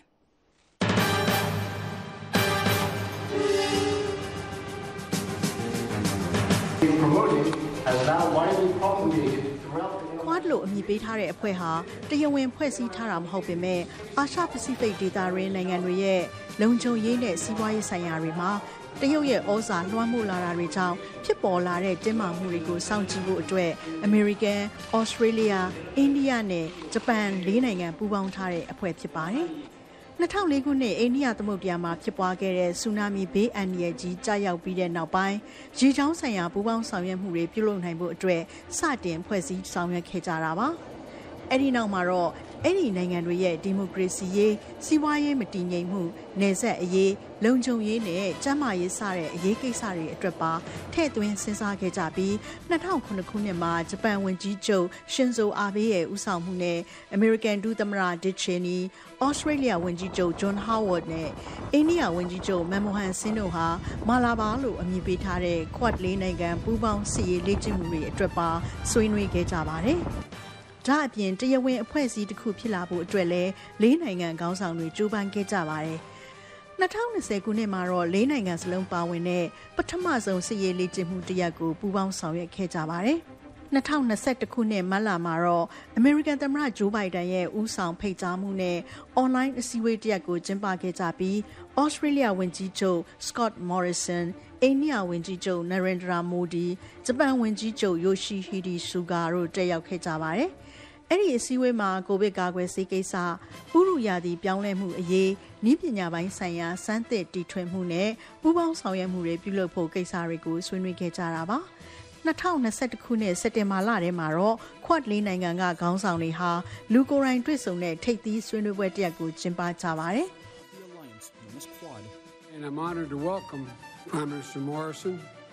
Prime Minister Modi, Prime Minister Suga. 2021ခုနှစ်အတွင်းခွတ်ကောင်းဆောင်တွေဟာတရုတ်ရဲ့ဒေသတွင်းအင်အားသုံးဆောင်ရွက်လာမှုတွေအပေါ်စိုးရိမ်မှုတွေဖြစ်ပေါ်လာပြီးပိုပြီးပူးပေါင်းဆောင်ရွက်ကြဖို့အရေးတွေကိုသုံးသပ်ချမှတ်လာကြပါတယ်။ဒါပေမဲ့လည်းလေးနိုင်ငံခေါင်းဆောင်တွေအနေနဲ့တရုတ်အရေးကိုသာအဓိကထားဆောင်ရွက်တာမဟုတ်ပဲ COVID-19 ကပ်ဘေးကြောင့်အကျိုးဆက်ဖြစ်ပွားလာနိုင်တဲ့စီးပွားရေးနဲ့လူမှုရေးပြဿနာတွေအတွက်ပါအလေးထားဆောင်ရွက်ကြပါတယ်။ မြန်မာအရေးနဲ့ပတ်သက်လို့လည်းခွတ်ရဲ့ဆွေးနွေးမှုတွေမှာစိုးရိမ်မကင်းအလေးထားထည့်သွင်းပြောဆိုတိုက်တွန်းကြတာပါဒီရက်ပိုင်းတွေအတွင်းမှာပြုလုပ်ခဲ့တဲ့ခွတ်လေးနိုင်ငံခေါင်းဆောင်တွေတွေ့ဆုံမှုမှာလည်းမြန်မာနိုင်ငံမှာအကြမ်းဖက်မှုတွေအဆုံးသတ်ဖို့နိုင်ငံသားတွေအပါအဝင်နိုင်ငံရေးအကျဉ်းသားအလုံးကိုပြန်လွှတ်ပေးဖို့အပြုသဘောဆောင်တဲ့တွေ့ဆုံဆွေးနွေးမှုတွေအတွက်ဆောင်ရွက်ကြဖို့နဲ့ဒီမိုကရေစီကိုအမြန်ဆုံးပြန်လည်ဖော်ဆောင်နိုင်ကြဖို့မိမိတို့ကဆက်လက်တောင်းဆိုပါတယ်လို့သဘောထားထုတ်ပြန်ခဲ့ကြတာဖြစ်ပါတယ်ရှင်။ မညွညွလွင်စီစဉ်တင်ဆက်တဲ့သတင်းတွေတဲ့ကတုတသတင်းဘတ်စင်ကဏ္ဍကိုနားဆင်ခဲ့ရတာဖြစ်ပါတယ်။ VOA မြန်မာပိုင်းစီစဉ်ရဲ့သတင်းတွေသတင်းဆောင်မတွေနဲ့သတင်းဘတ်စင်ကဏ္ဍတွေကို VOA မြန်မာပိုင်းစီစဉ်ရဲ့ website လိပ်စာဖြစ်တဲ့ burmese.voanews.com မှာလည်းလာရောက်ဖတ်ရှုနားဆင်နိုင်ကြပါတယ်ရှင်။ VOA မြန်မာပိုင်းစီစဉ်ရဲ့တနင်္လာနေ့မနက်ခင်းအစီအစဉ်တွေကိုဆက်ပြီးတော့ထုတ်လွှင့်ပေးနေပါတယ်။ အစီအစဉ် ထုတ်လွှင့်ချက်တွေကို မနက်ပိုင်း အစီအစဉ် ထုတ်လွှင့်ချက်တွေကိုတော့ လှိုင်းဒိုမီတာ25 40 51နဲ့ လှိုင်းလံမီတာ190တို့ကနေ နားဆင်နေကြရတာ ဖြစ်ပါတယ်ရှင်။အခုတော့ နောက်ဆုံးရ သတင်းအချင်းချုပ်ကို ဒေါခင်မျိုးသက်က ပြောပြပေးပါမယ်ရှင်။အာဖဂန်နစ္စတန်နိုင်ငံ ကာဘူးမြို့လက Itka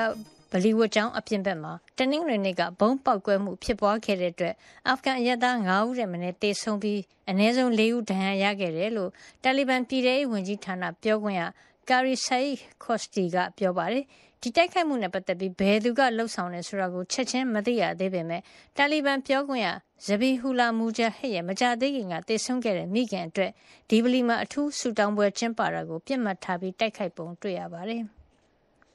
အာဖဂန်နစ္စတန်နိုင်ငံမှာဖွဲ့စည်းထားတဲ့တာလီဘန်အစိုးရရဲ့ပြုမှုဆောင်ရွက်ချက်တွေဟာအခုထိအားရစရာမကောင်းသေးဘူးလို့ဥရောပသမဂ္ဂရဲ့နိုင်ငံခြားရေးမူဝါဒဆိုင်ရာအကြီးအကဲဂျိုးဆက်ဘိုရက်လ်ကတနင်္ဂနွေနေ့မှာပြောကြားလိုက်ပါတယ်။အာဖဂန်မှာတာလီဘန်အုပ်စုကအာဏာရယူခဲ့ချိန်ကစပြီးဥရောပသမဂ္ဂကလူသားချင်းစာနာတဲ့အကူအညီတွေတိုးမြှင့်ပေးအပ်ခဲ့ပေမဲ့ဖွံ့ဖြိုးတိုးတက်ရေးဆိုင်ရာအထောက်အပံ့တွေတော့ရပ်ဆိုင်းထားတာပါ။ဥရောပ သမဂ္ဂလိုပဲ တခြားနိုင်ငံတွေနဲ့ ကမ္ဘာ့ဘဏ်ကပါ အကူအညီတွေကို ရပ်ဆိုင်းထားတာ ဖြစ်ပါတယ်။နှစ်ပေါင်းများစွာ ပဋိပက္ခတွေနဲ့ဖီစည်းနှိပ်စက်မှုကို ခံနေရတဲ့ မြန်မာနိုင်ငံသားတွေ ငြိမ်းချမ်းမှုရစေဖို့အတွက်ပုပ်ရဟန်းမင်းကြီး Francis က တနင်္ဂနွေနေ့ Saint Peter ရင်ပြင်မှာ ပြုလုပ်တဲ့စုဝေးဆူတောင်းပွဲမှာ ထပ်မံဆူတောင်းပေးခဲ့ပါတယ်။ဒါပြင် မြန်မာနိုင်ငံသားတွေ အနေနဲ့ ဆိုးရတဲ့ ခံစားမှုတွေသိဆုံးမှုတွေကြောင့် မျက်ရည်မစင်နိုင် ဖြစ်နေကြပေမဲ့ ငြိမ်းချမ်းသာယာမှုရှိလာစေဖို့အတူလက်တွဲလှုပ်ဆောင်ပြီးအခက်အခဲတွေကိုအတူတကွကြော်ဖြတ်နိုင်အောင်ပူးပေါင်းဆောင်ရွက်နိုင်အောင်လဲဆုတောင်းပေးခဲ့တာဖြစ်ပါတယ်။ထိုင်ဝမ်ပိုင်နက်ဒေသအနားတဝိုက်တရုတ်ရဲ့ရန်လိုတဲ့စီးလှုပ်ဆောင်မှုတွေအတွက်စိုးရိမ်စိတ်ပူတယ်လို့အမေရိကန်ကထုတ်ဖော်ပြောဆိုလိုက်ချိန်မှာပဲတရုတ်ကထိုင်ဝမ်တောင်ပိုင်းရေပြင်ပေါ်မှာတနင်္ဂနွေနေ့ကစစ်လျင်16ဆင်းဖြတ်ပြီးပြန်တန်းခဲ့ပါတယ်။တရုတ်ကထိုင်ဝမ်လေကြောင်းကာကွယ်ရေးဇုံတဲကို သူတို့ရဲ့တိုက်လေယာဉ်12စင်းနဲ့တခြားအမျိုးအစားစစ်လေယာဉ်၄စင်းဆင်းလွတ်ခဲ့တယ်လို့ထိုင်ဝမ်ကာကွယ်ရေးဝန်ကြီးဌာနကပြောပါတယ်။တရုတ်ကထိုင်ဝမ်ဝေဟင်ပိုင်နက်ထဲကိုတောက်ကြနေ့ကစစ်လေရင်38စင်းနဲ့ပြန်တန်းခဲ့တယ်လို့စနေနေ့မှာတော့စစ်လေရင်39စင်းပြန်တန်းခဲ့တာဖြစ်ပါတယ်။ထိုင်ဝမ်နားမှာတရုတ်ရဲ့စီးရေးလှုပ်ရှားမှုတွေဟာမှားယွင်းချွတ်ချော်မှုတစုံတရာဖြစ်လာမဲ့အန်ဒီရဲ့ကြီးမားတယ်လို့ဒေတာရင်းတည်ငြိမ်ရေးနဲ့ငြိမ်းချမ်းရေးကိုထိခိုက်စေနိုင်တယ်လို့အမေရိကန်နိုင်ငံခြားရေးဌာနပြောခွင့်ရ Ned Price ကကြေညာချက်ထုတ်ပြန် သတိပေးခဲ့ပါတယ်။ နောက်ဆုံးရထားတဲ့ နိုင်ငံတကာနဲ့ မြန်မာ သတင်းအချင်းချုပ်ကို ဒေါခင်မျိုးသက်ပြောပြပေးခဲ့တာပါရှင်။ဒီမနေ့ခင်းအတွက် အစီအစဉ် ထုတ်လုပ်ရမှုကမတ်အင်ဂျင်နိုင် ဖြစ်ပါတယ်။အင်ဂျင်နီယာတွေကတော့ Jimmy Cook နဲ့ Dara Smith တို့ ဖြစ်ပါတယ်ရှင်။ညပိုင်း9နာရီကနေ10နာရီထိ ထုတ်လွှင့်မဲ့ VOA ရဲ့ ရေဒီယို ရုပ်သံ အစီအစဉ်တွေကိုတော့လိုင်းဒိုမီတာ31 kHz 9833ညလိုင်းဒိုမီတာ32 kHz 9393ညလိုင်းဒိုမီတာ51 kHz 9885 တို့ကနေ ဖမ်းယူနားဆင်နိုင်ကြပါတယ်ရှင်။သောရရှင်များနဲ့တကွမြန်မာပြည်သူပြည်သားအပေါင်းကိုရောစိတ်ပါရှင်လန်းချမ်းမြေ့ကြပါစေရှင်။ VOA မြန်မာပိုင်းစီစဉ်ကိုအားပေးနားဆင်တဲ့အတွက်လည်းကျမတို့ဝိုင်းတော်သူဝိုင်းတော်သားအားလုံးကအထူးပဲကျေးဇူးတင်ပါတယ်ရှင်။ကျမတင်ကြီးထိုက်ပါ။